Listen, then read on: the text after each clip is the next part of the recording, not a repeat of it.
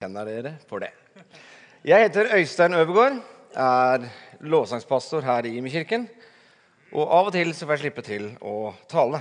Og i kveld er en av de gangene, så jeg føler det veldig kjekt.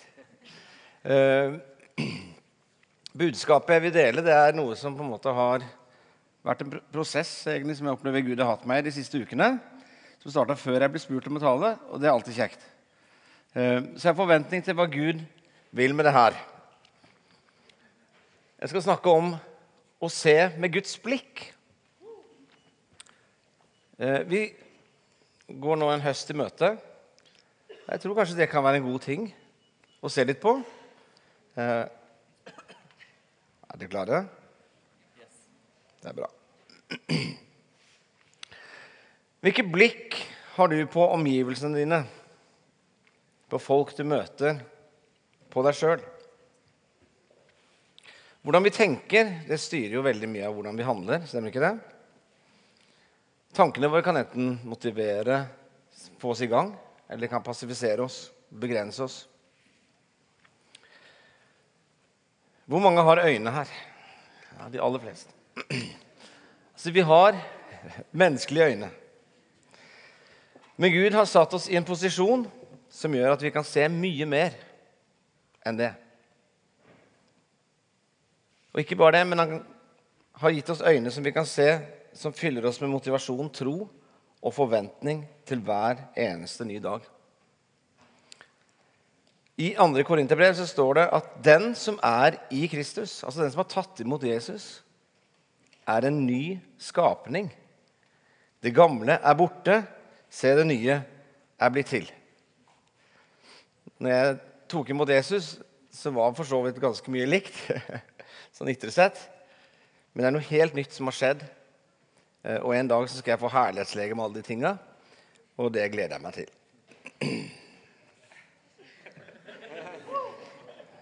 Kan du ikke bare se det for deg? Hvor flott jeg blir da? Vet du, Når Gud ser på deg, så ser han på deg som den du er i Kristus. For sånn som du er i deg sjøl, kan han egentlig ikke ha noe med oss å gjøre.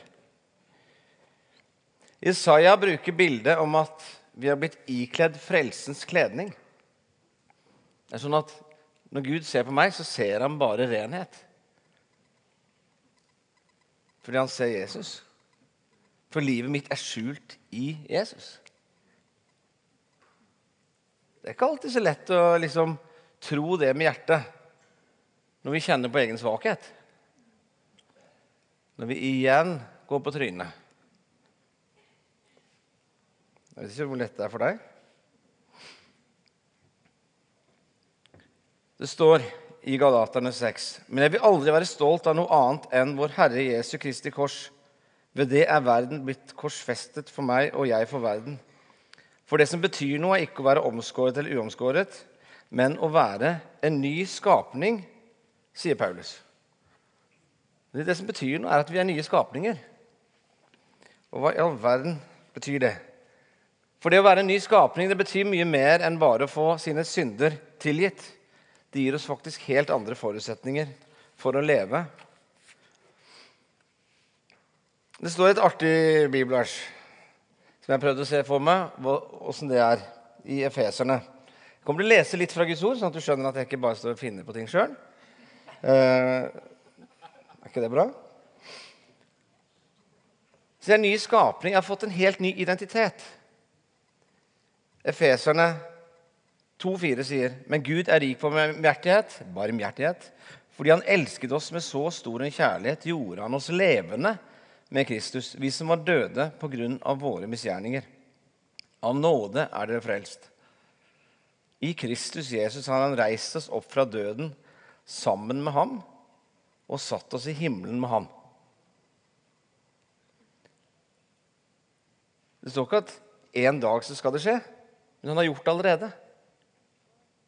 Har du prøvd å se det for deg, åssen det er at du faktisk nå sitter i himmelen med, med Gud? Eh, bilde nummer én. Jeg ser liksom litt for meg liksom at det, Kanskje noen ser for oss det sånn. Eh, en litt sånn stor tronstol og Jeg kan jo ikke helt si at jeg vet åssen det blir. Kanskje andre har bilder av, som ser litt mer som bilde nummer to her? Jeg vet ikke om det er mer sånn som du ser, ser det for deg. Eller kanskje du er en av de som gruer deg veldig, for du har høydeskrekk. Jeg vet ikke. Eh, ikke vet jeg. Men Paulus sier, 'Men er dere reist opp med Kristus, så søk det som er der oppe', hvor Kristus sitter ved Guds høyre hånd. La sinnet være vendt mot det som er der oppe, ikke mot det som er på jorden. Som en ny skapning i Kristus er du ikke lenger begrenset av den jordiske virkeligheten. Men vi inviteres av Gud til en prosess hvor vi mer og mer ser ting slik Gud gjør det. Der vi ser problemer, ser Gud muligheter. Der vi ikke har tro på oss selv, så har Gud tro på oss. Fordi hans utgangspunkt er ikke hvem vi er, men hva han er i stand til å gjøre i våre liv. Er ikke det bra? Så Som kristne så skal vi få lov å ha forventning til å se ting på en annen måte. For å sitere litt fra Gamlestamentet òg. Der står det Herren Gud har gitt meg en disippels tunge, så jeg kan styrke den trette med et ord.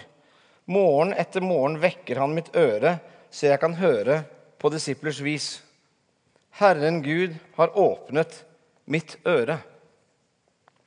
Må ikke du bli forvirra at jeg bruker bildet med øret når vi egentlig snakker om blikk. Men han sier at han har åpna øret mitt. Det betyr at jeg nå hører ting som jeg ikke hørte før. Jeg ser ting nå som jeg ikke kunne se før.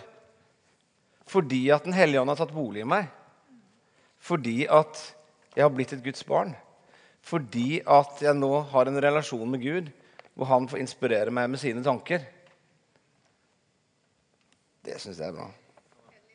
Og Det står faktisk i Isaiah 10 Et av de tingene jeg digger. da. Det står 'Herrens ånd skal hvile over ham'. Tenk på deg sjøl skal hvile over deg. Med ånd, en ånd med visdom og forstand.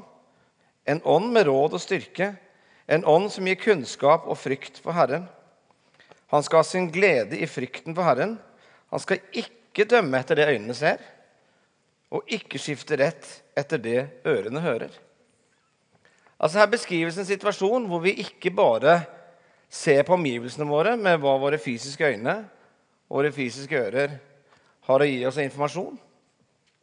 Men Gud har gitt oss sin ånd, som gir oss råd, som gir oss styrke, forstand og kunnskap og frykt for Herren. Og frykt for Herren er noe av det beste du kan få. For frykt for Herren setter deg fri. Frykt for mennesker, det binder deg. Det kan du gå hjem og studere litt mer, for jeg har ikke tid til å gå inn i. Men Så hva slags blikk jeg skal se litt på omstendigheter, situasjoner og omstendigheter. På deg sjøl og på andre mennesker. Det er jo mange bra bibelsteder eh, på dette, men historien om Caleb og Josva Vi skal ikke lese den, for det har jeg ikke tid til. For jeg skal tale på en halvtime. Så jeg har et helt bønneteam på at jeg skal klare det i dag. Nei da. I Fjerde Mosebok så ser vi historien om Caleb og Josva. Den handler om de tolv speiderne som fikk i oppdrag å speide ut det lovde landet som israelittene skulle innta. Ti kom tilbake. De var redde og usikre og spredte rykter om hvor farlige folket var som bodde i landet. De konkluderte med at de måtte velge seg en ny leder og vende tilbake til Egypt. Men Caleb og Josfa så annerledes på saken. De anbefalte å innta landet og var villige til å ta risiko. Det vi ser her, er Caleb og Josfa. De hørte fra Gud og gikk helhjertet for det de trodde på. De fikk mer enn de ba om. De fikk ikke et enkelt liv. Gud har ikke lovt deg et enkelt liv. Men han har lovt deg alltid å være med. Og vi ser at De baserte ikke sin beslutning på menneskelige modeller eller strategier. Og Vi ser også med Jesus hvordan han sier at Det gjør ikke noe hvis ikke Faderen har vist meg det. Så han var opptatt av å se ok, hvordan ser du på denne saken. Og Sånn er han en modell for oss, for vi skal ha Gud som forbilde. Fordi Gud tenker helt annerledes, og Guds prinsipper er helt annerledes enn prinsippene vi har i verden. Et av mitt, mine favoritteksempler var når vi hadde veldig dårlig økonomi i IMI. Som mange av dere vet. Og så søkte vi Gud, og så ble konklusjonen at vi skulle begynne å gi bort alle kollektene. Du skjønner jo det at sånn, rent menneskelig sett så er jo det idioti. Du mangler penger, og så ikke sant? Og hva skjer når vi da faktisk gjør det Gud ber oss om å gjøre? Jo, da snur økonomien. Det henger jo ikke på greip. Men vi har med en Gud å gjøre som ser annerledes. Og liksom utfordrer oss til å se på omstendighetene våre med et blikk som Gud gir oss. At vi rett og slett spør ok, Gud, hvordan ser du på dette? Noen ganger når jeg føler meg elendig, så sier jeg til Gud å, hvordan ser du på denne saken eller på meg? Og så blir jeg oppmuntra, vet du. Er ikke det bra?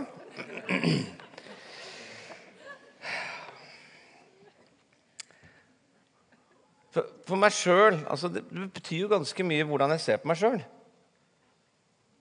Det setter meg enten fri til å leve ut livet, drømmene mine, eller så går jeg rundt og er redd for andre mennesker og hva de skal si, og, og så blir jeg passiv. Du vet, Hvis jeg skulle hørt på alt folk sa, så ville jeg blitt veldig deprimert. Jeg var i Birmingham eh, i juni. Og så står jeg og venter på Thomas Wilhelmsen, for vi skulle møtes på Starbucks. Men vi sto på hver vår Starbucks, så jeg blir stående her litt. for å si det sånn. Eh, vi visste begge hvor Starbucks var. det er flere Starbucks i Birmingham enn der. skjønner du? Og da er det en dame som kommer bort til meg, og så skal hun selge meg et hudpreparat. Og så står hun og ser på huden i ansiktet mitt. Nei, jeg har akkurat hva du trenger, sier hun. Hun snakket engelsk, da. Det, det. Og så, så, var jeg litt sånn Nei, vet du, jeg tror dette går bra. Og så sier hun til meg Skal du virkelig gå rundt sånn som det der? Det er liksom Jeg vet ikke hvor mye hun har solgt opp igjennom. Men, eh, men det er klart det er jo en taktikk, det òg. Det er klart at hvis, hvis vi skulle Vi skal få en til, da. Eh, som jeg ikke hadde planlagt. Så får jeg heller angre på det etterpå. Jeg var ung. Min datter, som nå på fredag flytta til Canada uff, uff. Eh, Blitt stor. Når hun var liten, hadde begynt på barneskolen, kjørte vi bil. Så skulle hun Jeg skulle lære henne hva ironi betydde. Ikke sant? Eh, og vi, vi hadde eksempler, og til slutt så skjønte jeg at hun hadde skjønt hva det var. Og så kommer vi hjem. Og så sier jeg litt stolt til Grida, kona mi Du kan reise deg opp. Nei da, du skal slippe. Så sier jeg Kan ikke du gi mamma et eksempel som viser at du har skjønt hva ironi er? Og så sier hun ja, det kan jeg. Ja. For eksempel kan jeg si pappa har veldig liten nese. Ikke sant? Det er, det er jo veldig, veldig oppmuntrende når ikke sant?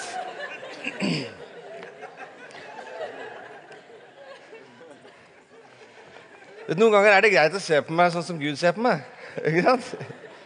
Det er utrolig mye rart vi kan høre opp igjennom. Som kan gjøre oss både mismodige og Ikke sant? Det er helt greit at dere ser på nesa mi. Ikke føl, ikke føl, føl at det står litt sånn så alle kan se hvor Det er godt å ha kona på første rad. Jeg tar f.eks. språk. I mitt hode så var jeg elendig i språk fordi jeg gjorde det dårlig på tysk. Det var for at jeg leste på tysk dagen før jeg skulle ha prøver. Så i mange år så tenkte jeg du er dårlig i språk. Øystein. Men så begynte jeg å studere teologi, og da måtte jeg ha gresk. Og eh, så måtte jeg jobbe skikkelig med det. Og så var jo det mitt beste fag det året. Er ikke det bra? Det er så mange konklusjoner vi gjør i hodet vårt som diskvalifiserer oss sjøl. Så mange ganger hvor vi sammenligner oss sjøl. Så når jeg var ung og tenåring og spilte synt, ikke sant? så hadde jeg en, min bestekamerat. Han var ett år eldre. Så han var, hadde en far som var veldig flink på piano. Han var alltid litt bedre enn meg. Ikke sant? Så jeg følte alltid at jeg var middelmådig på piano. Fordi at jeg sammenligna meg med han. Han er jo ikke her og kan spille. Ikke sant? For Gud, altså Gud bygger oss opp og har tanker for våre liv som ser forskjellig ut. Så han, ut, han utruster meg til det jeg skal stå i her. Og kameraten min et annet sted. Så å drive og sammenligne Vi må spørre Gud hva ser du? Når Efeserne 2,10 sier at Gud har lagt ferdiglagte gjerninger der for at vi skal gå inn i dem, så er det noe Gud har tenkt for mitt liv, som han har utrusta meg til når han skapte meg. Det er jo de, det jeg vil ha. Jeg har ikke lyst til å bli bedre enn de andre, for det er alltid noen som er bedre enn meg på et område. Hvis du tror du skal bli best, så blir du ikke det antageligvis. Mest sannsynlig. Det som skjedde når bassisten slutta i bandet vi spilte sammen, så tenkte jeg ja, ja, det betyr jo ikke så mye når jeg spiller synt. Så jeg begynte å spille bass i bandet. Så begynte jeg å øve på det, da. For da var det i hvert fall litt verdi. Er ikke det rart hvordan vi tenker? Jeg vet ikke hvordan din historie er. Men jeg vet at på så mange områder så kommer jeg til kort. Så kommer du til kort. Hvis du ikke føler på det, så, du, så er du heldig. Ikke sant? Vi kjemper for å ta de gode valgene, men vi faller igjen og igjen. Og det blir vanskelig å ha det godt med seg sjøl hvis vi skal se på oss sjøl ut fra det. Men Gud ser ikke sånn på meg. Han ser alt han har lagt ned i meg, som han ønsker å se blomstre. Og vet du hva? Jo mer og mer som jeg lever, så skjønner jeg at Gud tåler min svakhet. Tenk deg, Han tåler din svakhet, og han har tro på det. Sånn som du er. For han ser hva han kan gjøre i livet ditt.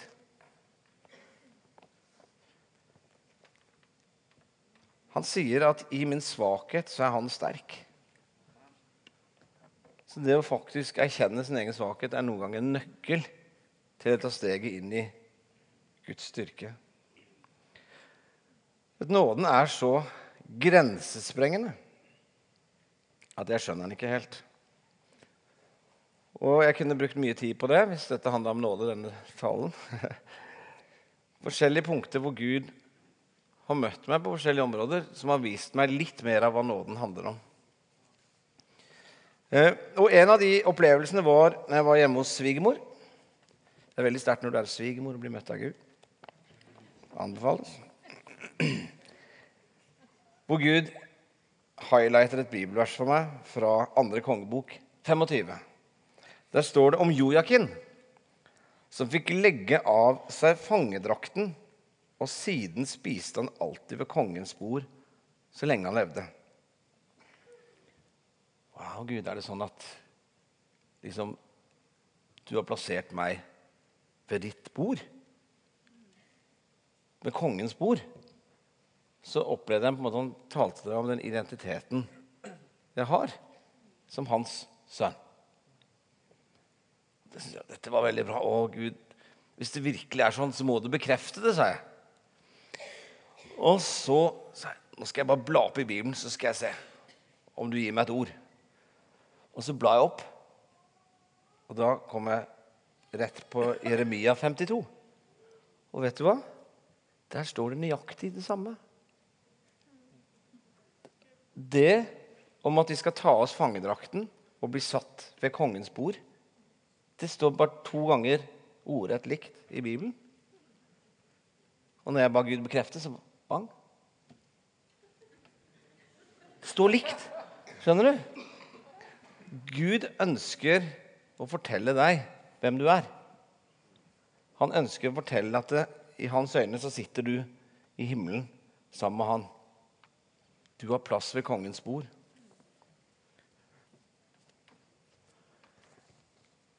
Og jo mer jeg kan begynne å se virkeligheten ut ifra hvordan Gud ser på ting, jo mer blir jeg fri til å være meg sjøl. Og jo mer blir jeg fri til å hjelpe andre mennesker til å bli den Gud hadde skapt dem til å være. Tenk deg å få være en del av et miljø hvor folk er opptatt av å se meg slik Gud ser meg. Som har tro på meg, som tåler mine svakheter og vil bare det beste for meg. Jeg syns det er fantastisk hvordan Gud kan bruke et miljø for å se folk blomstre. Så vet vi jo at det fins så mange destruktive miljøer som binder folk, som gjør at folk aldri våger å leve det livet de egentlig var skapt til å leve. Så vi drømmer om det at IMI skal få være et sånt sted. Hvor du kan komme om du er en sånn vill karismatiker som veiver med hendene. ikke sant? Sånn som lovsangstime. En klapp til lovsangstime. Jeg er litt stolt av de. Veldig bra. Eller om du er mer den som sitter stille. Altså, kan vi ikke få være oss sjøl? Kan vi ikke bare få lov til å heie på, på de Gud har skapt oss til å være? Gud tåler oss, og da vil jeg tåle at folk er forskjellige.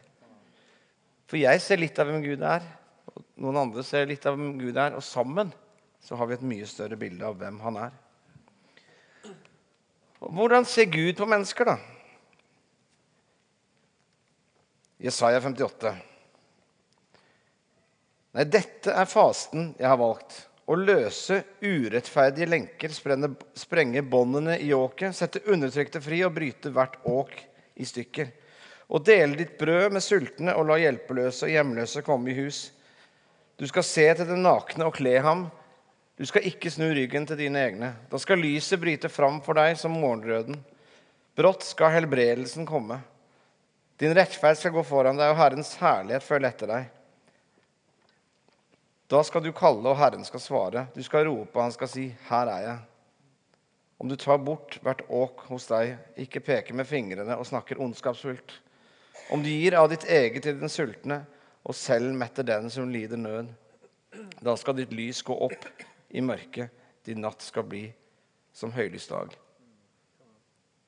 Det er ingen i verden som er mer verdifull for Gud enn deg.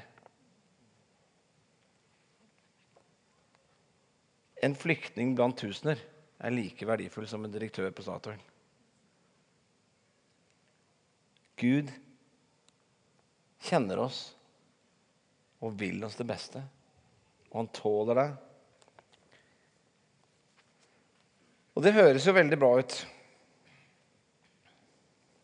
Jeg tror det er mange mennesker som vi har satt i bås, som Gud ikke har satt i bås. Mennesker som vi har gitt opp, som ikke Gud har gitt opp.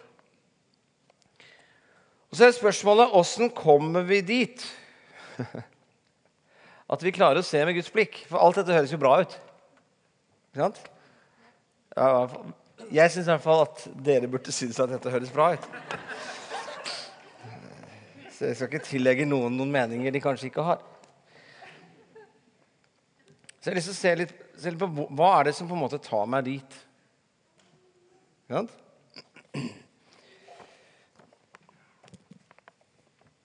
Jeg er opptatt av å se menneskers liv forvandla. Opp gjennom historien så har mange mennesker blitt forvandla av møtet med Gud. Vi kaller det ofte vekkelse når veldig mange forvandles samtidig. Forandring er et annet ord. Forandring fryder. Nei, ikke for kona mi. Hun vil helst ha alt likt. Det kommer en ny iPhone, så vil jeg helst ha en, den gamle. Det er så rart. Vi liker nye klær, få noen nye møbler. Forandring er bra. Men forvandling er enda bedre. For det stikker dypere, og det kan føre med seg mye ytre forandring. Forvandlingen skjer inni oss, i vårt sinn og sjelsliv. Da fikk jeg ut det. Det er et bibelvers. Kan vi få opp det? Der kom det. Og vi som uten slør for ansiktet ser Herrens herlighet som i et speil, vi blir alle forvandlet til dette bildet, fra herlighet til herlighet.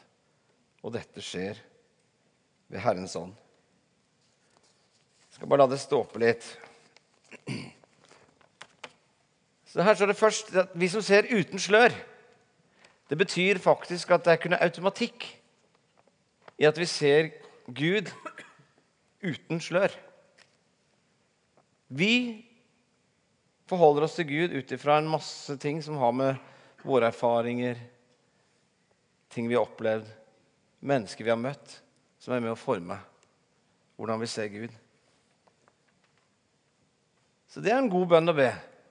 Kjære Gud, hjelp meg å se deg uten slør. Uten ting som er med å forkludre. Og Herrens herlighet Det handler om å se hvem Gud er i sin herlighet. Så Det går ikke an å se Jesus uten å se herlighet. For det er sånn han er. Ofte så snakker vi om, Bibelen bruker litt begrepet om Herrens herlighet og Herrens nærvær. Altså det, det at han kommer nær. Hvis vi ser når de innvia tempelet, hvor det står at prestene de klarte ikke å gjøre tjeneste fordi at Herrens herlighet fylte rommet så tungt at de klarte ikke å gjøre jobben sin. Han, det vi driver med, er ikke bare en gud som er en teoretisk størrelse. Er en gud som har valgt å komme nær. Som ønsker å ta oss inn i sin herlighet.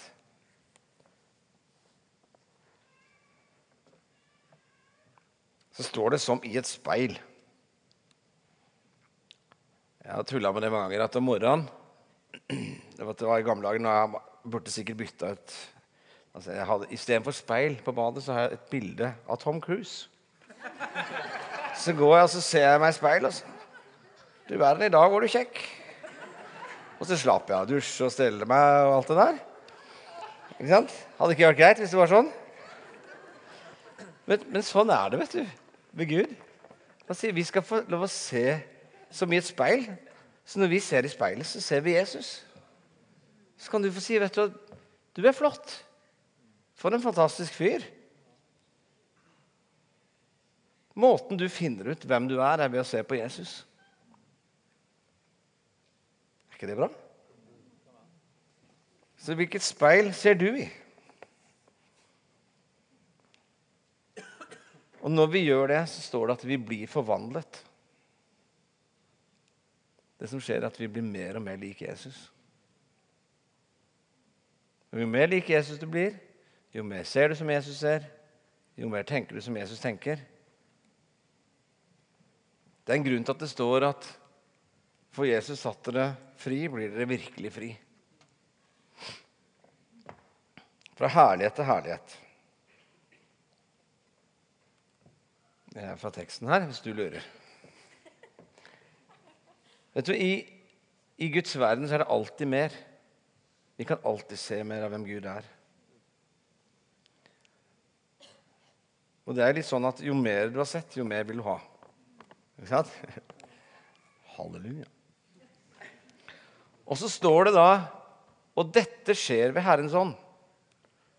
Det at vi blir forvandla, handler ikke om at du tar deg sammen. Men det handler om at du tar valg som setter deg i en posisjon hvor Gud kan forvandle deg på innsida. Det er bra, vet du. Jeg husker en gang når jeg var veldig ung. Det er faktisk 30 år siden. oi, oi, oi, jeg er 46 nå. Det var i 1986. Så dro jeg med en ungdomsgjeng til England. Og på den tida så tok vi båt. Så det tok et døgn. Det er veldig kjedelig å kjøre båt så lenge. Så er det kino på båten, da. Så vi liksom så alle filmene som gikk. Og du bare venta på at det skulle komme fram. Så kom vi dit, og så får vi se Herrens herlighet. Skjønner du? Vi får et møte med Jesus. Vi får, får bare sprengt rammene for hva vi trodde var mulig. Og så begynner vi å tenke annerledes. Så begynner vi å handle annerledes. Så vi begynte å skulke seminarer og ting som skjedde. For vi måtte, kunne jo ikke brenne inne med det her, vi måtte fortelle folk. Så vi dro ut liksom, på byen. Så, så, vi liksom åtte mennesker ta imot Jesus på to, de to siste dagene vi var der. Og på båten på vei hjem Altså, Båtturen var altfor kort. For det er helt fantastisk å være på en båt. For folk har jo ikke noe sted å gå. Ikke sant? Det er helt, Beklager, men jeg må hjem nå. Du, du, det er ikke det. Så, så vi fikk se åtte mennesker som tok imot Jesus på båten. Skjønner du? Og for, Forskjellen var et møte med Jesus. Og vi var glade. Det opplevdes meningsfylt. Vi ble sveisa sammen som venner. Vi fikk opplevelser med Gud sammen. Og vet du hva? Snart så har vi en mulighet for deg til å bruke litt tid på å se i det speilet. Det er derfor vi har åpen himmel. Vi setter av litt ekstra tid. Mange ganger så er vi sammen på en gudstjeneste, så merker du etter talen du er litt innenfor Gud, så begynner du å tenke sånn Å, du får tro for et eller annet, og du, du blir litt inspirert. Og så går du hjem. Ja? Så kanskje det slukner litt.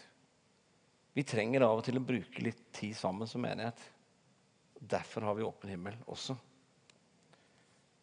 Å sette seg i posisjon til at Gud kan møte oss. Vi trenger egentlig ikke å lure på hvor viktig dette er. Dette med å se på Jesus. Altså Alt som har med Gud å gjøre, det handler jo om dette. Tenk deg på jula. Hva handler det om? Jesus. Hva handler påsken om? Jesus. Så pinsen pinse den trikken handler om Den hellige ånd. Men det står jo i Johannes 14 at Den hellige ånd er Jesus som kommer til oss. Så det handler jo om Jesus, det òg. Og gudstjenestene. Hva handler nattverden om? Se på Jesus. Hva er det lovsang handler om, da? Det handler om å flytte blikket sitt fra seg sjøl opp på Gud. Det står det et av mine favorittvers om lovsang at det motsatte av lovsang det er avmakt og motløshet. Det sier noe om hva lovsang egentlig er. Hvis det motsatte av det er avmakt og motløshet. Så som Gud bare vil at vi skal skjønne hvor viktig dette er. Jeg tar det siste bildet òg.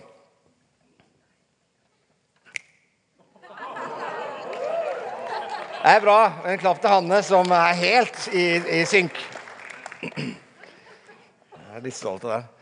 Kan bli litt høy på meg sjøl når sånt skjer. Se her. Dette er jo Når jeg tar imot Jesus Jesus døde for mine synder. ikke sant? Så står det at jeg er begravet med Kristus. Jeg er oppreist med Kristus. Vi har hatt dåp før i dag. Ikke sant? Så det er et bilde på dette. Og så er jeg satt i himmelen med Kristus. Jeg sitter i himmelen med Kristus. Det er veldig bra. Så alt handler jo om Jesus ikke sant? og hvem han er. Bibelen kaller Jesus for veien, sannheten og livet.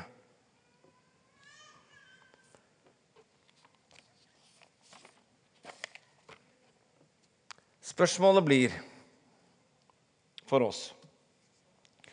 Altså, hvilke ting er det vi trenger å komme til Gud med å si vet du hva, Gud, på dette området så trenger jeg å tenke annerledes. For jeg skjønner at her er jeg ikke i synk med hvordan du tenker. Altså, Hvilke områder er det du tenker om deg sjøl på en måte som er destruktiv, som binder deg? Hvor du trenger å si til Gud, 'Vet du hva? Jeg trenger at du møter meg her.' Og hjelp meg til å se ting ut ifra at jeg er satt i himmelen med deg. At jeg er ditt barn. at det er ikke håpløst. I forhold til andre mennesker Hvilke mennesker er det jeg har i livet mitt som jeg trenger faktisk å se på en ny måte? De som kanskje har såra meg? Den vanskelige naboen? Det er sikkert ingen som har det, men hvis du hadde hatt det Ikke sant? Kan vi våge å stille spørsmålet Gud, åssen ser du på de? Da tror jeg faktisk at uh, noen av de tingene du begynner å tenke, er annerledes enn det du tenker i dag. Det kan godt hende. Så tredje, da, hvilke omstendigheter, situasjoner i livet ditt trenger du å si til Gud vet du, her må du hjelpe meg, for her tenker jeg helt feil.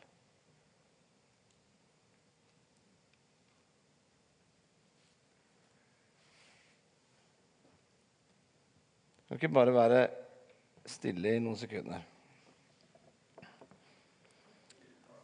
Jeg ber deg, gode Hellige Ånd, at du skal bare minne oss om ting som som egentlig blir et hinder for oss til å, til å leve ut de du har skapt oss til å være. Hjelp oss å se som du ser. Hjelp oss å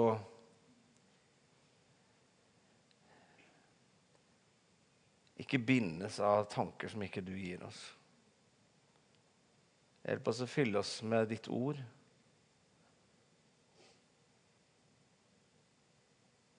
Sett oss fri. Du ser de mange drømmene som folk sitter med her. Som de ikke våger å gå for.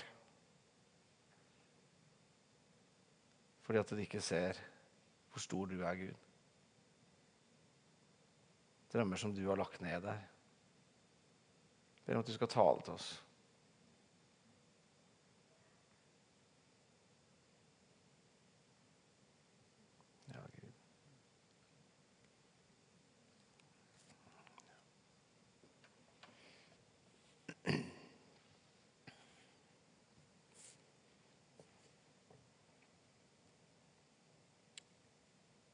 Jeg lurer på om jeg skal få fram Norun.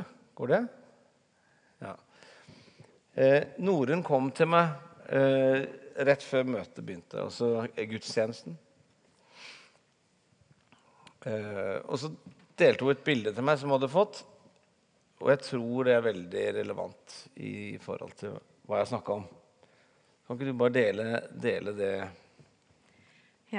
Eh, det var egentlig litt rart bilde, selv om det egentlig ikke er rart.